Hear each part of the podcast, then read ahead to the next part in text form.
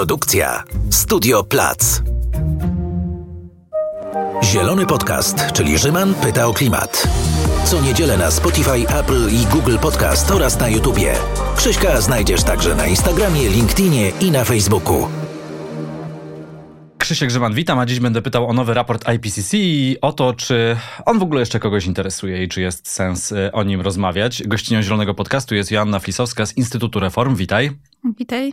E, starsza analityczka do spraw e, klimatyczno-energetycznych. E, mamy nowy raport IPCC. No i tak, Greenpeace pisze, że jest super ważny, dlatego że jest pierwszym raportem oceniającym opublikowanym po porozumieniu paryskim z 2018 roku, ale gdyby przejrzeć polskie media w tym tygodniu, a raport ukazał się w poniedziałek, my rozmawiamy w czwartek, a publikacja podcastu jest w niedzielę, no to przynajmniej do czwartku jakichś szczególnych publikacji w mediach nie było. Było kilka podcastów, było kilka rozmów w mniejszych e, audycjach, ale to, co można usłyszeć nawet od dziennikarzy, to to, że no jest nowy raport IPCC, ale kogo on w Polsce interesuje? No trochę niestety tak jest, że w tej chwili widzimy, że, że te tematy związane z kryzysem klimatycznym trochę e, przeszły na dalszy plan. No a z drugiej strony no, tych raportów IPCC też już trochę było, więc... E, I mieliśmy taką serię ostatnio. Dok, dokładnie tak, więc obawiam się, że też może być taki efekt trochę przyzwyczajenia się już do tych e, głównych komunikatów, no bo e, tak naprawdę te, te informacje, które są w raportach IPCC, oczywiście różnią się, one też e, skupiają się na różnych aspektach e, tego kryzysu klimatycznego, w którym się znajdujemy, natomiast przekaz e, główny cały czas pozostaje ten sam, czyli to, że musimy jak najszybciej redukować emisje i że walczymy cały czas o utrzymanie w grze tego celu porozumienia paryskiego, jakim jest utrzymanie średniego globalnego wzrostu temperatury na poziomie 1,5 stopnia, czyli tym tym, tym najwyższym, e, jeszcze bezpiecznym e, stopniu. E, w tym sezonie podcastu w tym roku e, tak się tak układa w, w, w, pewną całość. Najpierw była Wiktoria Jędroszkowiak, e, później byli aktywiści z Ruchu Solidarności Klimatycznej i właśnie oni zwrócili na to uwagę w, w social mediach po publikacji nowej części nowego raportu IPCC, że jak możemy jeszcze rozmawiać o tym półtora stopnia? To, to już się wydarzyło. Już, już, już, już tu czas rozumieć i działać mocniej, bardziej, ale ten cel wyznaczyć no jednak bardziej, no nie wiem, oni nie mówią realny, no ale tak mi się wydaje bardziej realny, e, bardziej znaczy, realnie. Myślę, że tutaj to, co trzeba podkreślić, to to, że tak naprawdę my walczymy o każdą dziesiątą stopnia ocieplenia, więc e, tutaj wciąż dyskutowałabym, że, że kwestia tego, że mamy ten jeden konkretny cel, półtora stopnia, e, do którego dążymy, względem którego ustalane są potem te cele krajowe, regionalne na, na poziomie Unii Europejskiej, to jest ważne. I też ten raport IPCC tegoroczny, on cały czas pokazuje, że piłka wciąż jest w grze, że to nie jest tak, że ta nadzieja na półtora stopnia już gdzieś tam spłynęła, tylko cały czas mamy szansę na spełnienie tego celu. Natomiast musimy tym bardziej podejmować jak najszybsze e, i zdecydowane kroki e, już teraz. No tak jak powiedziałam na, na, na początku tej wypowiedzi, to e, nawet jeżeli nie udałoby nam się pozostać pod tą granicą bezpieczną półtora stopnia, to każda jedna dziesiąta stopnia Celsjusza wyżej to jest po prostu gorzej dla nas, więc, więc trzeba walczyć o, o każdą dziesiątą stopnia. Doceniam bardzo twój optymizm, próbuję się nim zarazić. Zawsze przed nagraniem podcastu myślę sobie, zrób pozytywnie, zrób na pozytywnie, że się uda, że się da, ale z drugiej strony, jak powiedziałeś, że ta piłka jest w grze, no to w Polsce wydaje mi się, że ona jest dawno spalona w jednej z elektrowni węglowych. Mamy cały czas 70% energii z węgla mm, w miksie energetycznym.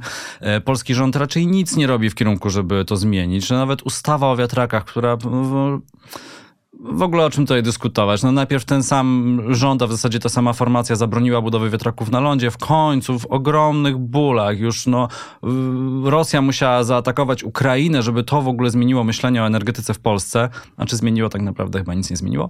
E, e, to nawet jak już odblokowano budowę wiatraków na lądzie, to też w takim formacie, żeby de facto zbudować ich e, nie za wiele, no bo komuś tam przeszkadzają. I czy naprawdę, tak jak mówisz, to jeszcze jest dla nas jakaś szansa, żeby coś zmienić, bo wydaje mi się, że Polska się w ogóle nie stara, żeby ograniczyć swoje e, emisje i każdy jedyny element, który miałby się pojawić na przykład w polityce unijnej, żeby ograniczyć emisje, jest przez Polskę albo no, może nie blokowany, no bo też się na to nie jesteśmy w stanie odważyć, bardzo często na poziomie Brukseli, ale bardzo krytykowany na poziomie krajowym, no i też zapewne będzie wykorzystywany e, w wyborach e, jako przykład anty. Mhm. No, czy to będzie zmiana diety na ograniczenie mięsa, czy to będzie ograniczenie liczby samochodów, czy ograniczenie produkcji, wprowadzania nowych samochodów z silnikami spalinowymi. No w każdym jednym zakresie my jesteśmy na nie. Więc sformułowanie piłka jest w grze w Polsce... Mm. No to znowu e, będę dyskutować. Na No bo y, rozdzieliłabym jednak y, Polskę na, na różne podmioty, e, że się tak wyrażę. To znaczy, o, jest właśnie. różnica pomiędzy rządem, no. a jest różnica pomiędzy społeczeństwem, e, biznesem i tak dalej, i tak dalej. O bo... kurczę, już myślałem, że powiesz, że jest różnica między rządem a opozycją, bo zaraz przejdziemy jeszcze do najnowszej wypowiedzi Donalda Tuska. łamanym na polityków, e, powiedzmy. No bo faktycznie, jakby to, co, co, co robi rząd, no to jest torpedowanie cały czas i celów unijnych, i no jakichkolwiek tak naprawdę zmian, które przyspieszałyby tę transformację energetyczną. I to jest torpedowanie i na tym poziomie e, legislacyjnym negocjacji, ale też e, po prostu na poziomie narracji. To jest niezwykle e, szkodliwe. No ale z drugiej strony, jeżeli spojrzymy sobie na to, co robią Polki i Polacy, jakie oni mają e, poglądy na sprawę, no to bym tutaj jednak doszukiwała się troszeczkę tego optymizmu, e, bo no spójrzmy chociażby na rozwój e, fotowoltaiki w Polsce, energetyki słonecznej. No, e, bijemy jakieś e, rekordy, e, jeżeli chodzi cały czas o, o przyrost tych mocy słonecznych i właśnie ta energetyka będzie nam produkować coraz więcej e, mocy w Polsce. Ja się, ja, się, ja się tego uśmiecham, bo to ja też tego używam, to jest ten joker, którego można zawsze wyjąć i powiedzieć. Ale nie jedyny. Polacy no właśnie nie, czy nie taki masowy. Pompy ciepła. Wy, no okej, okay, okej, okay, okej. Okay. To jakby kontynuacja, mhm. kontynuacja fotowoltaiki, tak? To znaczy, jeżeli już sami produkujemy, no to fajnie jest potem móc zużyć tę energię na ogrzanie domu pompą ciepła. Mhm. E, e moja siostra to zastosowała u siebie w domu. Super, e, e, bardzo fajna rzecz. A jak spojrzymy na przykład na nowy system dopłaty do kredytów na pierwszy dom czy pierwsze mieszkanie, e, rząd PiSu teraz proceduje, no to w zasadzie można dostać dopłatę do kredytu jakiegokolwiek na jakiejkolwiek jakiekolwiek mieszkanie czy jakiekolwiek dom. Tak? Mhm. Przedstawiciele branży, e, e, ci bardziej rozsądni zwracają uwagę na to, a dlaczego nie na przykład na energooszczędne rozwiązania dajemy tylko te kredyty, tak? No to już się wszystko zostaje po staremu. No ale wracając do tego mhm. asa, asa z rękawa, okej, okay, wyjmujemy ponad milion instalacji fotowoltaicznych, super. No i co jeszcze świadczy o tym, że Polacy rzeczywiście chcą, żeby coś się zmieniało? No właśnie ten drugi wątek, czyli pompy ciepła. Jeżeli chodzi o ten wzrost e, zakupu pomp ciepła w Europie, no to E, tak procentowo Polska jest zdecydowanie na czele, jest jednym z e, najprężniej rozwijających się rynków e, pod tym kątem. No myślę, że teraz zwłaszcza ze zmianą w programie Czyste Powietrze też liczę na to, że Polacy ruszą wiosną do ocieplania swoich domów. No i tutaj też znowu będzie ważne to, na ile będzie tego wsparcia, na ile go starczy, no i czy rząd wykorzysta środki z chociażby Krajowego Funduszu Odbudowy, no bo wtedy E, faktycznie tych pieniędzy byłoby bardzo dużo, no i, e, no i myślę, że jednak Polacy po prostu liczą pieniądze i wiedzą, że im się to płaci. Jeżeli dostaną wsparcie, jeżeli mm, dostaną jakieś narzędzia, to będą to robić i, i to też się przekłada na potem efekty klimatyczne w postaci mniejszego zużycia e, energii, prawda? Więc myślę, że pod takimi kątami jest całkiem nieźle i też pod tym kątem bym patrzyła też na jakieś działania rządu, to znaczy jeżeli byłby zwrot w polityce e, państwowej e, w kierunku przyspieszenia transformacji energetycznej, to to jak najbardziej spotkałoby się z, myślę, aprobatą e, wielkości, większości Polaków. No a jeszcze tak patrząc na te zmiany takie ogólne, bo mówiłeś o 70% energii z węgla, no niestety tak dalej jest. Niestety gdyby nie e, dotychczasowa polityka rządu, blokowanie chociażby już wspomnianych wiatraków, no to bylibyśmy teraz już w zupełnie innym miejscu i, i mielibyśmy inne perspektywy przed sobą. Natomiast e, no, nawet fakt, że już z rządu wychodzą przecieki co do nowej strategii energetycznej, która e, ma ujmować 50 gigawatów energii z OZE, kilkukrotnie, e, co najmniej dwukrotnie więcej, e, a chyba nawet ponad e, dwukrotnie więcej, chociażby przewidują energetyki słonecznej, to już o czymś świadczy. To znaczy, no, no ja nie świadczy mówię... tylko i wyłącznie o tym, że ktoś to napisał na papierze, a później siądzie do tego Jacek Sasin, weźmie długopis, o, a najlepiej, żeby Marek Suski do tego usiadł, weźmie sobie taką serwetkę, karteczkę i tak skreśli. Nie. Tak, Nie. tylko że to, to jakby to są Nie. liczby, które już i, I tak w takim się wydarzą. żyjemy. Dziękujemy i zapraszamy do kolejnego Tak, tylko że, że to są raczej liczby, o których my już wiemy, że gdzieś tam się te instalacje budują, jeżeli chodzi o energetykę morską chociażby, gdzie możemy projektować to, że faktycznie taki wzrost w energetyce słonecznej jest realny, e, biorąc pod uwagę trendy i też e, to, jakie instalacje już dostają pozwolenia, przyłączają się i tak dalej. Więc jeżeli to jest ten punkt startowy, bo y, też zwróćmy uwagę na to, że regularnie wszystkie polityki energetyczne, wszystkie plany rządowe, one y, regularnie nie doszacowywują tego, jak szybko rozwija się OZE w Polsce.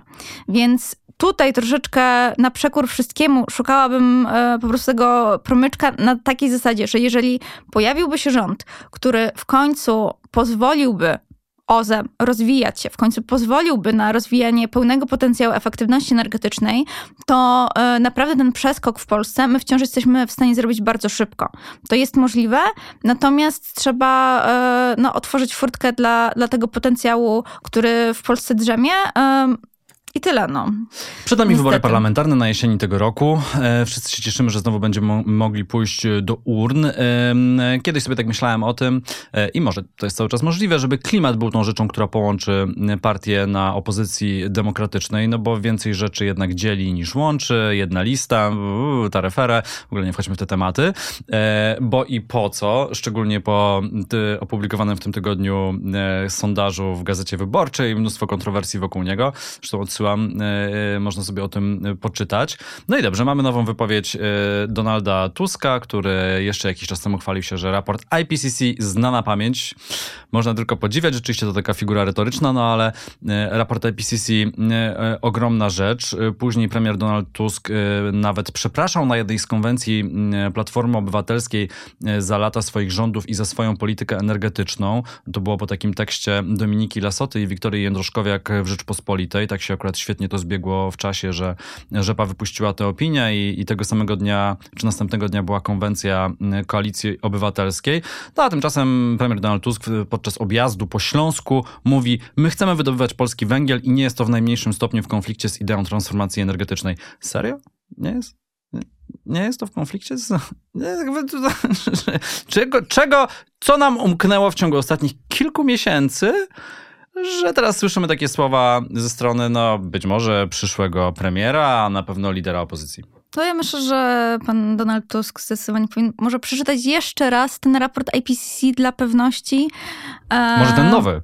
No, mo, na przykład może przeczytać sobie komentarze e, sekretarza generalnego ONZ e, po wydaniu tego raportu IPCC, bo e, podkreślmy też może, e, warto, warto zwrócić uwagę na to, co Antonio Guterres e, powiedział i co jest zgodne z wnioskami raportu IPCC. To znaczy tutaj e, zostało podkreślone to, że jeżeli my poważnie podchodzimy do, do kryzysu klimatycznego, no to państwa rozwinięte powinny celować w neutralność klimatyczną nie w 2050 roku, a do 2040 roku. No i to oznacza, że my mówimy o ym, energetyce, elektroenergetyce, e, która byłaby zdekarbonizowana w perspektywie do roku 2035, co zresztą e, e, pokrywa się z tym, co już od dłuższego czasu mówią organizacje pozarządowe zresztą. No i jeżeli myślimy sobie o takich celach, no to wydaje się, że tutaj jakiegoś, jakiejś przestrzeni na renesans polskiego węgla absolutnie nie ma. I to, o czym my powinniśmy w tej chwili dyskutować, to jest sprawiedliwa transformacja. To, w jaki sposób wycofać się z tej resztki węgla, e, którą w tej chwili e, w Polsce mamy, bo też no, znowu e, muszę podkreślić to, że no, zwróćmy sobie uwagę na to, jaki mieliśmy problem w tym roku. To znaczy, problem był taki, że tak naprawdę od lat jesteśmy uzależnieni od importu węgla i ten nasz węgiel krajowy jasne, służy w jakimś tam stopniu, natomiast e, też ma swoje ograniczenia i ze względu na chociażby ekonomikę, i też ze względu na to, jaki to jest typ węgla, tego, że on się nie nadaje do wszystkich potrzeb, które mamy w tej chwili jeszcze w Polsce. No a jeżeli mówimy poważnie o transformacji energetycznej, to my to zużycie węgla e, musimy po prostu stopniowo zmniejszać i no jakiekolwiek dalsze mówienie o tym, że będziemy rozwijać e, polskie kopalnie w tej chwili, no to jest oszukiwanie wyborców. No ja też pochodząc ze Śląska, z, z Katowic, no naprawdę wątpię, że ktokolwiek na Śląsku jeszcze się e, nabiera na takie e, wizje pokazywane przez polityków. I tak naprawdę to, czego Śląsk teraz oczekuje, to są rozwiązania, to jest wizja na przyszłość tego, jak ten Śląsk transformować, a nie w jaki sposób utrzymywać go w poprzednim wieku. No to high five, bo ja też jestem Ślązakiem, też z Katowic. E, no, górnicy też nie wierzą w takie słowa, no nie oszukujmy się. No, poza górnikami oczywiście ze Związkowej Solidarności, którzy próbują coś tam ugrać politycznie i oni zawsze będą mówić, że trzeba budować jakieś tam specjalne systemy wychwytywania węgla mm. z atmosfery i teraz będziemy mieli w sumie tak naprawdę zielony węgiel i ten zielony węgiel nas uratuje to gdyby tak się tak, no, usiąść i szczerze porozmawiać z górnikami, zrobić taki panel obywatelski z, z, z, tą grupą, to myślę, że wnioski byłyby takie, zamyć, zamykać kopalnie i tworzyć nowe miejsca pracy w regionie, tak. e, kultywować e, e, tradycje e, i tyle. No dokładnie tak. To znaczy, y, no myślę, że tutaj tak naprawdę głównym wyzwaniem jest to, w jaki sposób stworzyć nowe, e, jakościowe miejsca pracy dla tych osób, tak żeby e, faktycznie to była dla nich alternatywa. I to jest główne wyzwanie. To znaczy też, no, jakby spójrzmy sobie na chociażby warunki pracy w takiej kopalni. No myślę, że nikt tam rękami, nogami nie będzie się przykuwał, żeby koniecznie e, pracować kilkaset metrów e, pod ziemią w ciężkich warunkach. Zjeżdżałaś kiedyś? Tak. Ja też.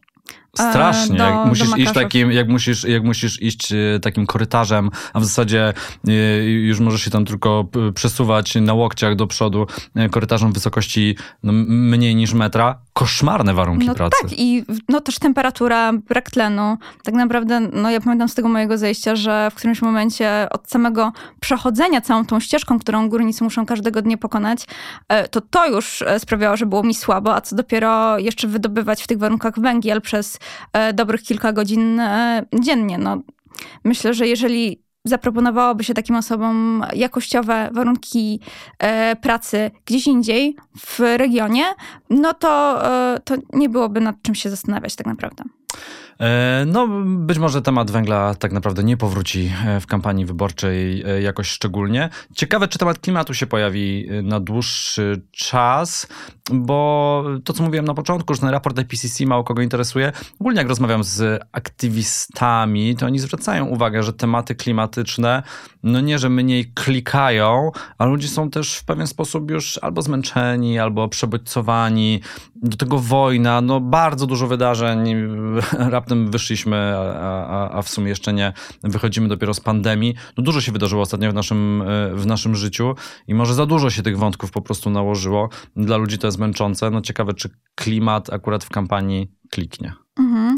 Znaczy, no tak, no bo tak naprawdę żyjemy na przestrzeni kilku kryzysów toczących się równolegle cały czas. E, COVID, wojna, klimat oczywiście, e, no ale teraz tak naprawdę jesteśmy w kryzysie ekonomicznym również e, i, i kryzysie surowcowym, jeżeli chodzi o, o, o paliwa, więc e, wydaje mi się, że tak, że tutaj jakby zbiegło się kilka kwestii naraz, to znaczy z jednej strony trochę przebodźcowanie tego, że o tym klimacie w ostatnim czasie mówiło się naprawdę wiele, no a z drugiej strony e, no może trochę bardziej e, naglące e, powiedzmy w tym momencie kryzys, czy najbardziej odczuwalne dla przeciętnego Polaka czy, czy, czy Polki problemy, tak, za co kupić jedzenie, za co spłacić kredyt, e, czym ogrzeć e, mieszkanie.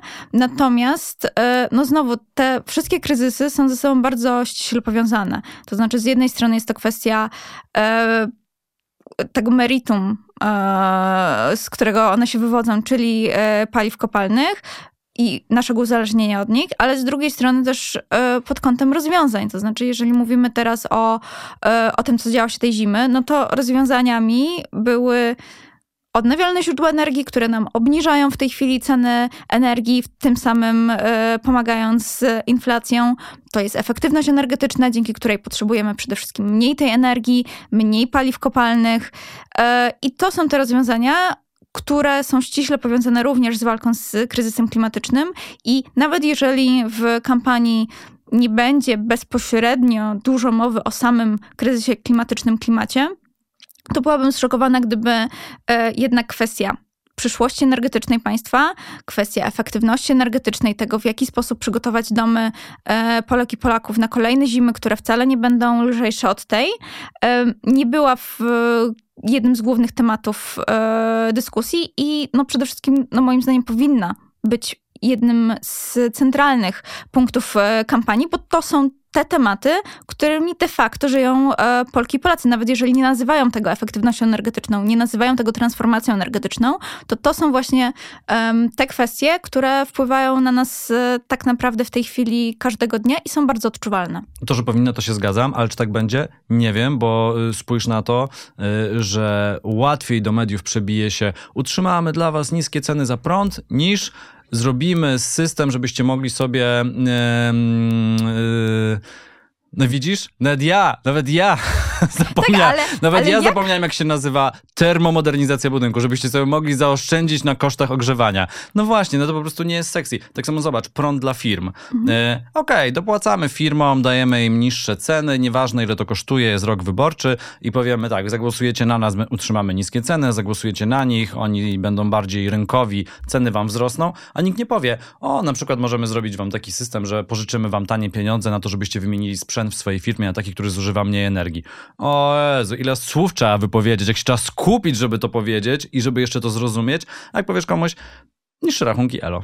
No tak, tylko że w jaki sposób chcemy utrzymać te niższe rachunki, bo jakby okej, okay, na jeden rok może zaciśniemy w budżecie pasa, oczywiście tniemy wydatki we wszystkich innych e, sektorach, żeby tylko utrzymać te niskie e, ceny energii, natomiast no to jest dosłowne przepalanie pieniędzy w tej chwili. I to, że wydaliśmy chyba nawet w setkach e, miliardów e, w tym roku, to nic nie zmienia w perspektywie kolejnej zimy i tego, że będziemy musieli wydać jeszcze więcej de facto na, na utrzymanie tych cen energii, bo w tym roku nie podwyższyliśmy, a w kolejnym roku one dalej będą rosnąć w tym, e, w tym aspekcie takim e, bezpośrednim, tak? Te, te, tego, czego my nie czujemy w tej chwili w portfelach. No, a dodatkowo za chwilę dojdą nam kolejne opłaty za emisję CO2, no bo mamy w tej chwili płacimy um, dodatkowo za emisje związane z elektroenergetyką, natomiast e, w kolejnych latach wejdzie nam system, który będzie e, pobierał opłaty w związku z, paliwami w transporcie i w paliwami, które używamy do ocieplenia naszego domu. No i tutaj tak naprawdę to będą kolejne pieniądze, które albo będziemy przypalać, albo będziemy używać po to, żeby długofalowo obniżyć e, nasze rachunki, koszty. No i oczywiście, czy to jest sexy temat? Nie wiem, natomiast wydaje mi się, że w tym momencie rolą odpowiedzialnych polityków jest dyskutowanie właśnie na takie tematy, które będą rozwiązywać lub tworzyć problemy dla e, kraju i dla, dla wszystkich e, Polek i Polaków na kolejne lata. Natomiast e, takie rozmawianie na temat tego tylko w jaki sposób kiełbasą wyborczą wygrać jedne wybory, a potem to już niech się wali i pali, to nie jest odpowiedzialna polityka. E, kończymy terapeutyczną część naszego podcastu, ale nie kończymy podcastu. E, teraz tematy przyszłościowe, bardzo ciekawe. W Instytucie Reform przyglądać się polityce Unii Europejskiej. Polityce, o której tak naprawdę w Polsce mówi się bardzo mało, tak jak mówiłem, raczej krytyka. Jeżeli mówimy e, o rolnictwie, to bardziej w kontekście tego, że Unia Europejska nakaże nam jedzenie robaków i to jest jakaś tam jedna z osi narracji polskiej prawicy na tegoroczne wybory. Jeżeli mówimy o samochodach, no to Unia Europejska zakaże nam produkowania tych cudownych samochodów z tymi świetnymi silnikami diesla i razem tam uczepieni niemieckiej nogawki, razem pewnie z Czechami, Słowakami, jeszcze innymi krajami, e, które blisko współpracują przy produkcji samochodów, czy to całych, czy komponentów. Będziemy starać się blokować te unijne dyrektywy, żeby jak najdłużej można było, no nie ma lepszej rzeczy na świecie niż kolejny diesel w mieście, w ogóle ograniczanie liczby samochodów w miastach, najgorsze pomysły na świecie. E, no i tyle wiemy tak naprawdę w Polsce o polityce klimatycznej i całe szczęście jest ta Unia Europejska tak naprawdę. Całe szczęście, że jest ta Unia Europejska. Cud, że Polacy kiedyś zagłosowali w referendum za tym, żeby do niej wejść. Bardzo trudno z niej teraz wyjść. Całe szczęście, chociaż Wielkiej Brytanii się udało no sorry, no sorry. E, jesteśmy w Unii Europejskiej i co się dzieje na poziomie polityki klimatycznej, bo naprawdę w Polsce nic o tym nie słychać. Mhm, no, znaczy, no, na poziomie y, Unii Europejskiej dzieje się bardzo wiele. dzieje się tak naprawdę cały czas, bo e, no, po pierwsze, już jakiś czas temu mieliśmy pakiet Fit for 55, czyli ten pakiet legislacyjny rewizji całej masy rozporządzeń, dyrektyw unijnych, które miały dostosować e, prawo w Unii Europejskiej i takie narzędzie, środki działania do nowego celu klimatycznego Unii, którym jest 55% redukcji do 2030 roku. E, no i to jest jakby jedna warstwa. Potem przyszła, e, no niestety, wojna w Ukrainie i agresja Rosji. No i w odpowiedzi na tą agresję Rosji na Ukrainę i w odpowiedzi na kryzys energetyczny, który był z tym związany, e, Komisja Europejska opublikowała propozycję e, pod nazwą Repower EU. E, no i to jest taki pakiet propozycji powiedziałabym, wzmacniający ten Fit for 55. To znaczy, to co jest znamienne, to że nawet w momencie kryzysu nie mieliśmy żadnego zwrotu w tej polityce klimatyczno-energetycznej Unii Europejskiej, a wręcz przeciwnie. To, było, to jest takie wzmocnienie tego kierunku, w którym i tak podążaliśmy. No i w ramach tego pakietu e, Repower EU mamy znowu takie wzmacniające propozycje, to znaczy z jednej strony e, zwiększenie celu e, odnawialnych źródeł energii w Unii Europejskiej, kwestia wprowadzenia obowiązku montażu e, paneli słonecznych na nowych budynkach e, w pewnym momencie, to jest kwestia e, też wymuszenia w pewnym sensie, czy, czy zmotywowanie państw do termomodernizacji domów, do ocieplania domów. Co w ogóle nie brzmi sexy, jest super potrzebne. No to, jeżeli nie zaczniemy tego robić, to te wampiry jest... energetyczne będą zużywać ogromne ilości energii na ogrzanie. Energii zupełnie do tego nie potrzebne. Do, do, dokładnie tak. I, I zwróćmy uwagę, że skoro już e, dotknęliśmy tych wampirów e, energetycznych, e, bo mówimy tutaj o tych domach, które są nieocieplone lub prawie nieocieplone. W Polsce 1,6 miliona, 1,8 miliona domów jest wciąż zupełnie nieocieplonych no i to są właśnie te wampiry energetyczne, w których przepala się strasznie dużo gazu, węgla do ocieplania tych e, domów, bo to najczęściej są te źródła ogrzewania takich domów. I to jest energia absolutnie zmarnowana, a energia, która w tej chwili kosztuje bardzo dużo. I w tych domach najczęściej jednak e, mieszkają też osoby dotknięte nie tylko tym ubóstwem energetycznym, ale też ekonomicznym, które właśnie przez to z jednej strony nie mają pieniędzy na to, żeby ocieplić sobie taki dom, a z drugiej strony no, biednieją każdego roku, bo muszą wydawać coraz więcej na drożejące e, paliwa, węgiel, gaz.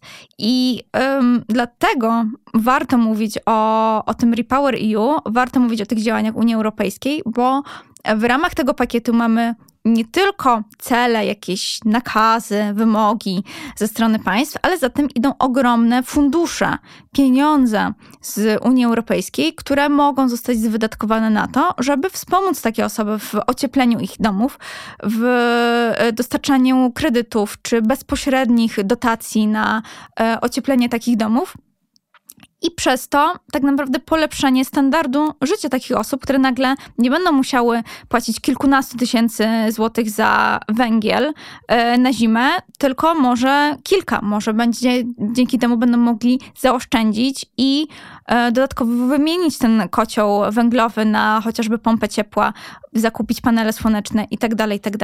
No a z, z kolejnej strony również to jest kwestia gdzieś tam wspierania gospodarki nowych miejsc pracy, no bo ktoś te e, miliony domów w Polsce będzie musiał ocieplać. To, że jest ta Unia Europejska, to w ogóle jest super sprawa dla krajów członkowskich, dlatego że to jest takie idealne wytłumaczenie, dlaczego musimy wprowadzać pewne niepopularne polityki, bo mówimy, no, no ale na poziomie unijnej zapadła taka decyzja, mamy dyrektywę, musimy ją teraz implementować i już. Oczywiście w Polsce to nie działa, no jesteśmy tutaj e, wyjątkiem e, aktualnie. To, że nie otrzymujemy pieniędzy e, z unijnego funduszu odbudowy też jest problemem i to dużym, no bo trudniej to wszystko wprowadzać.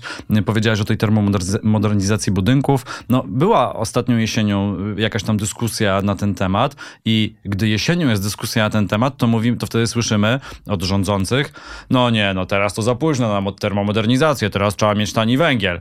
Potem mija 12 miesięcy i ktoś mówi, no nic z tym nie zrobiliście i znowu mamy ten sam problem, znowu nie było tej termomodernizacji i słyszymy, no słuchajcie, no ale teraz jest za późno, teraz potrzebujemy... Nie wiem, my jesteśmy w takim dniu świstaka tak naprawdę w Polsce, jeżeli chodzi o ten problem. No dokładnie tak, to znaczy tak naprawdę teraz mamy kolejne zmarnowane miesiące, no bo te, te miesiące zimowe powinny były być Jana, mamy zmarnowanych 7 lat.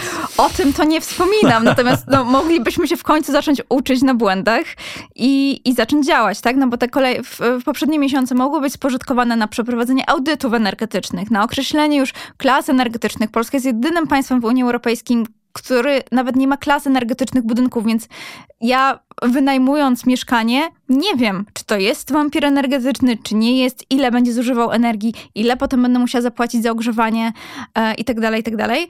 Więc to powinien był być pierwszy krok, który już dawno powinien się wydarzyć, a jeżeli się nie wydarzył, to powinien się wydarzać już w tej chwili, a nie dopiero my dyskutujemy o wprowadzaniu takich klas energetycznych w kolejnym roku i wciąż nie wiadomo, jakie będą szczegóły tego. No i mając taki audyt energetyczny, no, powinni pójść w kraj konsultanci, którzy będą rozmawiać, wspierać, przygotowywać te programy, tak żebyśmy już na wiosnę mogli ruszyć z wielką falą ocieplania polskich domów. No, natomiast to na ten moment wydaje się być kompletnie nieprzygotowane. No, ale popatrz, jak się tutaj wiele nakłada problemów w Polsce wygenerowanych przez prawicę, no bo to, że nie ma współpracy na poziomie rządu i samorządu powoduje, że ciężko będzie stworzyć taką sieć konsultantów, no bo to by właśnie wymagało tej współpracy, tak? Czyli mamy jakieś tam fundusze na poziomie krajowym i później delegujemy to sobie już na poziom regionalny i później na poziom lokalny, no i musimy współpracować, tak? No bo kto zna lepiej problemy danego miasta, miejscowości czy gminy niż włodarze tego miasta, Dokładnie miejscowości tak. czy gminy? No ale ponieważ w Polsce przeciętnie cięliśmy tę całą współpracę, no bo u nas wszystko opiera się o jakiś tam wyimaginowany e, konflikt polityczny, no to tej współpracy nie ma i, i, i nie będzie, ale też z drugiej strony nie ma tego problemu, bo nie mamy tych pieniędzy, więc nie mamy w sumie czego dzielić. E, no tak, to co jeszcze się dzieje na poziomie unijnym, oprócz termomodernizacji budynków, e, przy okazji można zajrzeć na stronę internetową i na Twittera Instytutu Reform. Macie tam taki cykl Rozpakowujemy Repower EU.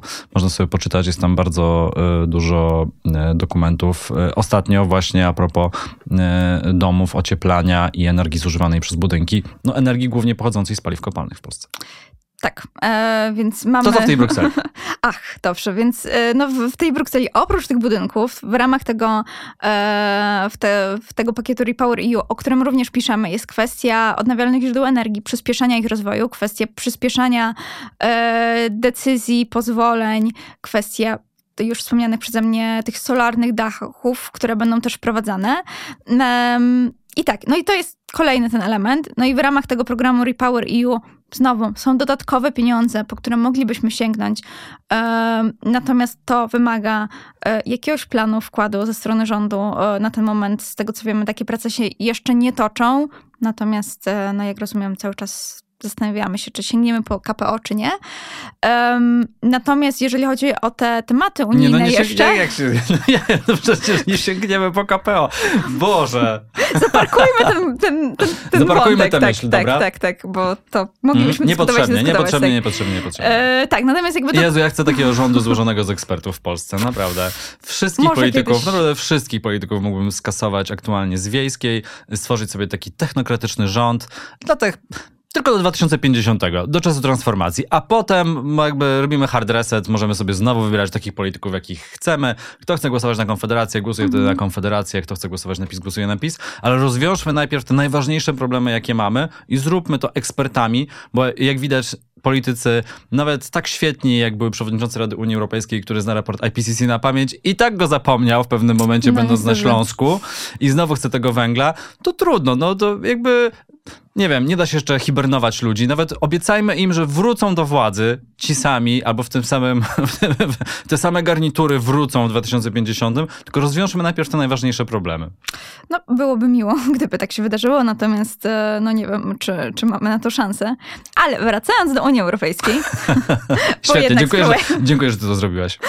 E, tak, no więc jakby oprócz tych, tych programów e, powiedzmy flagowych Fit for 55, Repower EU, mamy teraz kolejny e, projekt związany związany z taką zieloną industrializacją e, Europy, odpowiedzią na to, co w tej chwili e, e, robią Stany Zjednoczone. No bo właśnie, e, ten kryzys energetyczny, kryzys związany z wojną spowodowały przyspieszenie w kierunku OZE nie tylko w Polsce i transformacji energetycznej, ale też w Stanach. No i mamy teraz takie e, trochę zawody, kto ściągnie więcej z ekspertów, więcej zielonego biznesu do rozwijania tych zielonych technologii w swoim własnym regionie. No i tutaj znowu Unia Europejska przygotowała pakiet propozycji związanych z tym, żeby E, rozwijać i innowacje e, takie zielone w, w Europie i też jednocześnie nowe miejsca pracy, zielony biznes.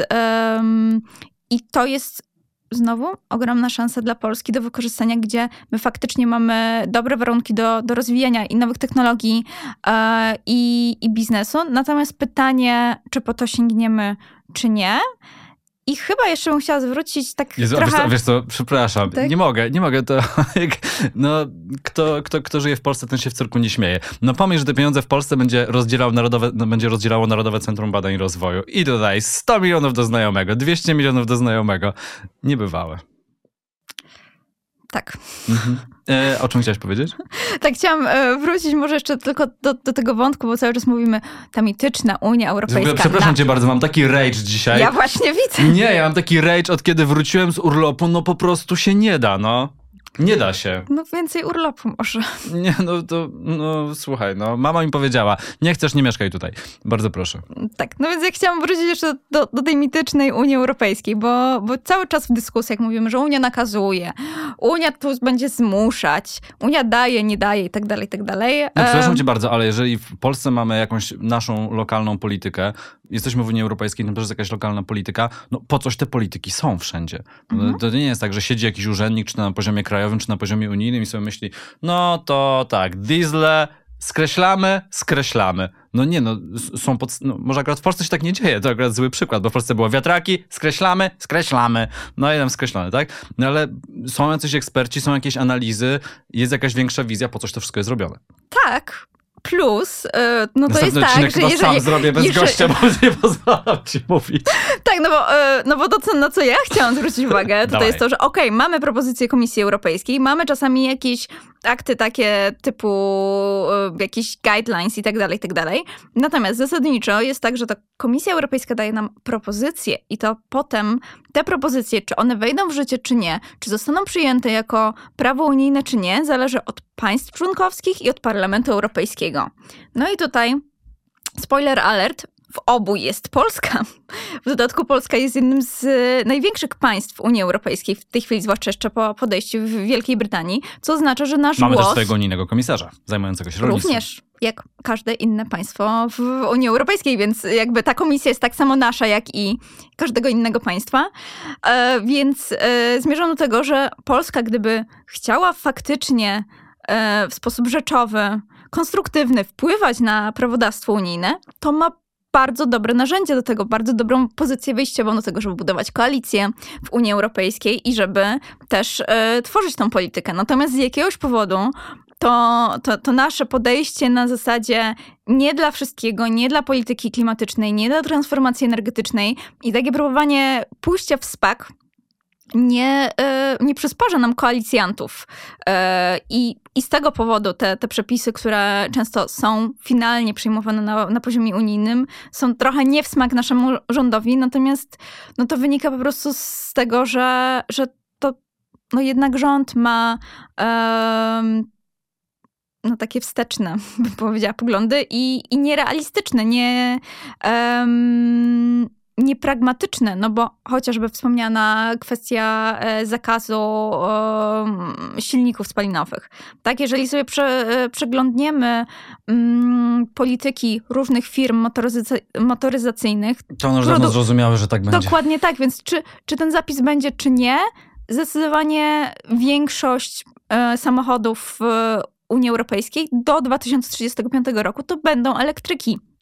My możemy się na to obrażać e, lub nie, ale tak naprawdę to, co powinno się dziać teraz, no to rozwój infrastruktury do ładowania e, samochodów w, w, Polsce i przygotowanie tej infrastruktury pod te elektryki, które będą tak czy owak wchodzić na polski rynek, na polskie drogi.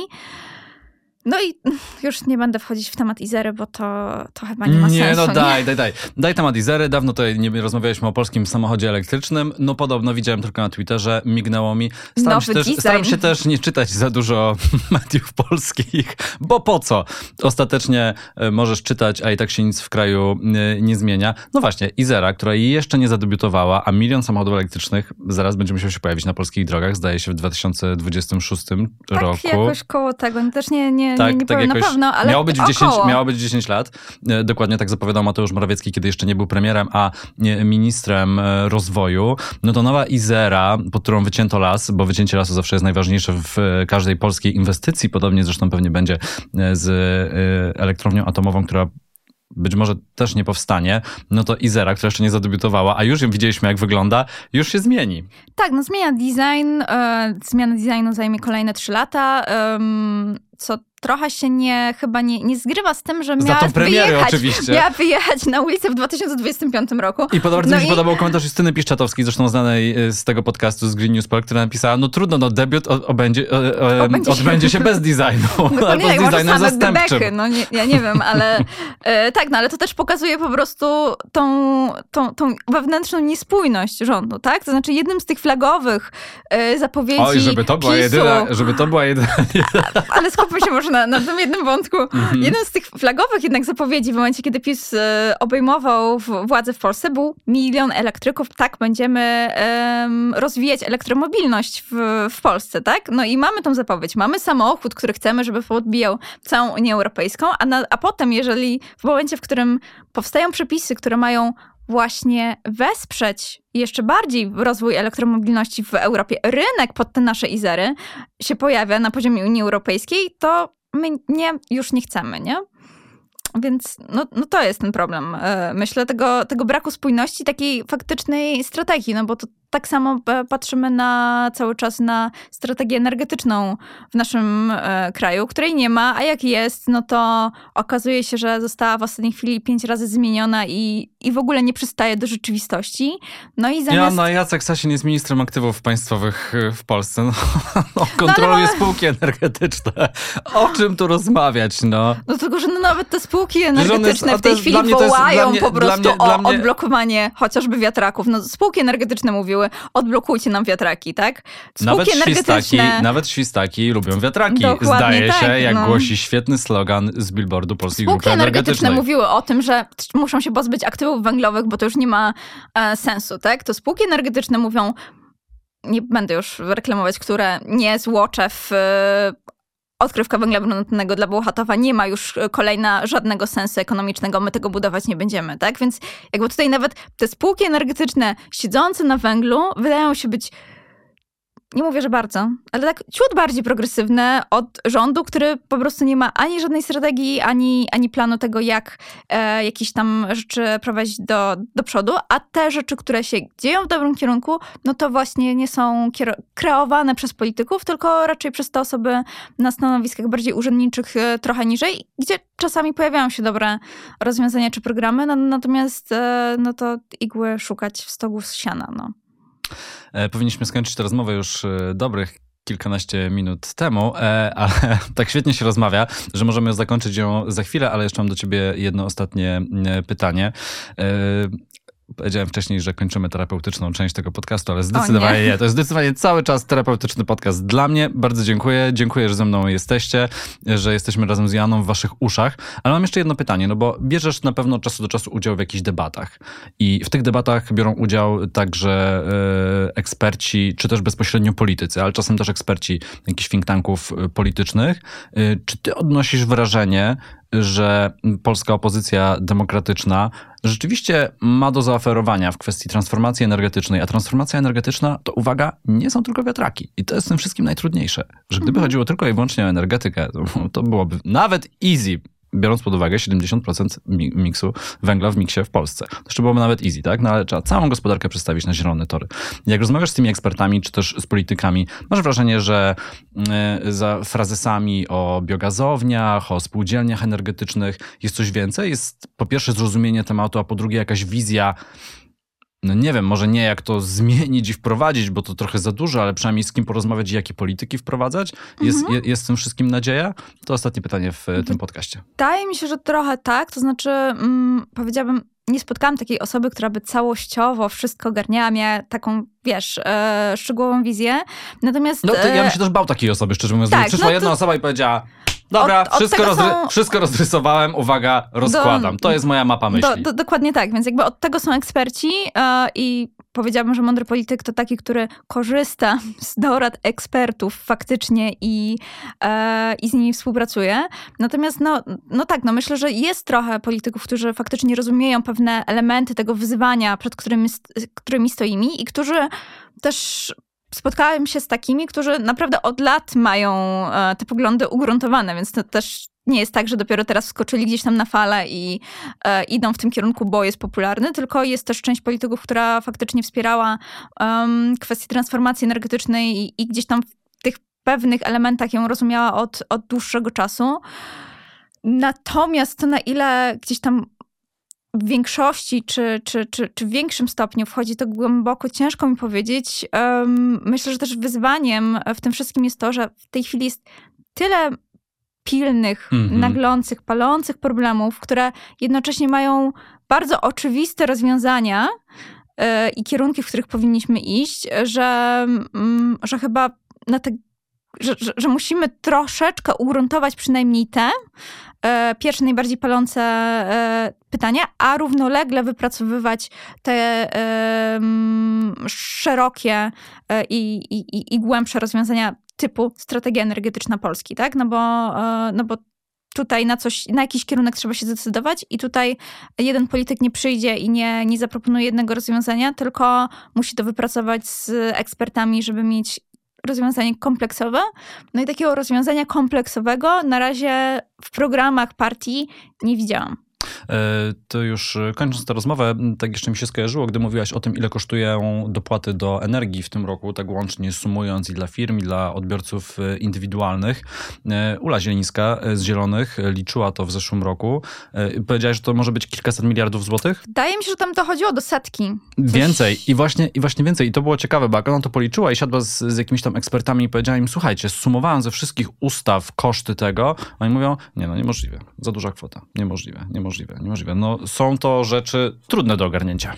Tak. I znaczy to, co dla mnie było uderzające, kiedy zobaczyłam te, te kwoty, wokół których oscylujemy, no to to były te kwoty, o których, które wyliczano wcześniej, że trzeba by było wydać na e, duży, duże elementy transformacji energetycznej Mhm. Polski. I Było właśnie mówione, Ula o tym nie, mówiła. Nie mamy pieniędzy, nie stać Dokładnie nas. tak. A, a w I- zeszłym roku, jak to było policzone na jesieni, to, to, to, to wtedy hasło było, no właśnie to, co mówiłem wcześniej. Nie, no teraz to za późno, to już teraz nie zrobimy, no teraz panie, to jest węgiel tani potrzebny i tyle.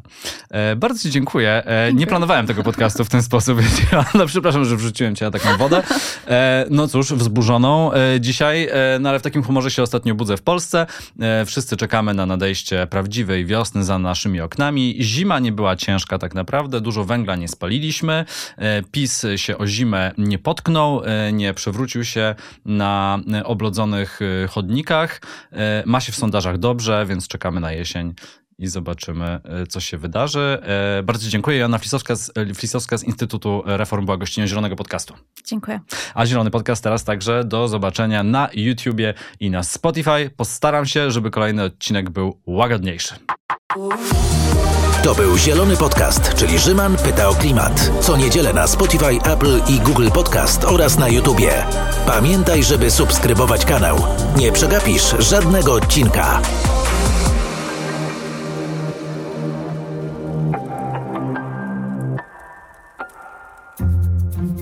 Produkcja Studio Plac.